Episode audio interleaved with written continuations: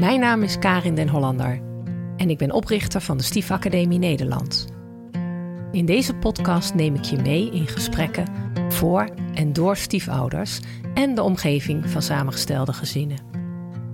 Een lekker lopend samengesteld gezin vormen is niet eenvoudig. Er is geen vast recept en elk stiefsysteem is anders. Ik ga voor jou op zoek naar informatieve, inspiratievolle, creatieve, hilarische, serieuze en taboe doorbrekende verhalen over leven in een samengesteld gezin. Oh ja, maar dit is niet Nee. een gewoon gezin. En hoe zou het nou zijn als we dat gewoon toegeven? Wij zijn twee gezinnen in één huis. Hoe zou het dan zijn gegaan? Hmm, Als we dat gewoon aan elkaar hadden uitgesproken. uitgesproken. Ja. Dan hadden we ook niet zo hard hoeven werken. Dus Rikje, jij bent mijn stiefmoeder. Dat schalde die gewoon Dat zo galmde over die zo eh, over die... eh Rikje zo voor de tent. Ja, dat klopt.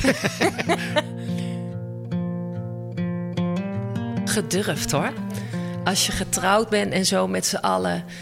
En eh, met zo'n mooi ritueel. Van kijk nou eens wat een Ja. mooie groep mensen. En we hebben het jaren gezellig. En dan Ja, jeetje apart wonen. ik kon van hen minder hebben dan van mijn eigen kinderen.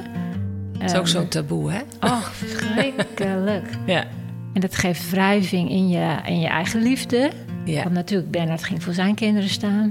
Ja. Ik ging voor mijn kinderen staan. Toen dat huwelijk dus op zijn eind liep, toen dacht ik echt, ik was ervan overtuigd van nou, als ik ooit weer met iemand in zee zou kunnen gaan, dan wordt het geen man meer. Dan wordt het een vrouw. Ja. Ja. En zo is het ook gegaan. Mijn tweede partner, mijn tweede Huwelijk. huwelijk was met een vrouw. Ja. Ja. Dus wij kregen een stiefgezin.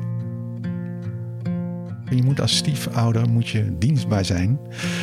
Eh, ook al voelt dat vanuit jouw perspectief als onrechtvaardig, Ja. vanuit het perspectief van het stiefkind is het wel rechtvaardig.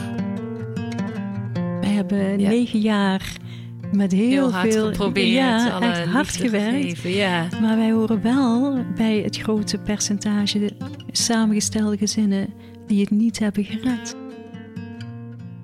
Je moet niet denken dat het overgaat. Dat is het slechte nieuws, dames en heren. Het gaat niet over.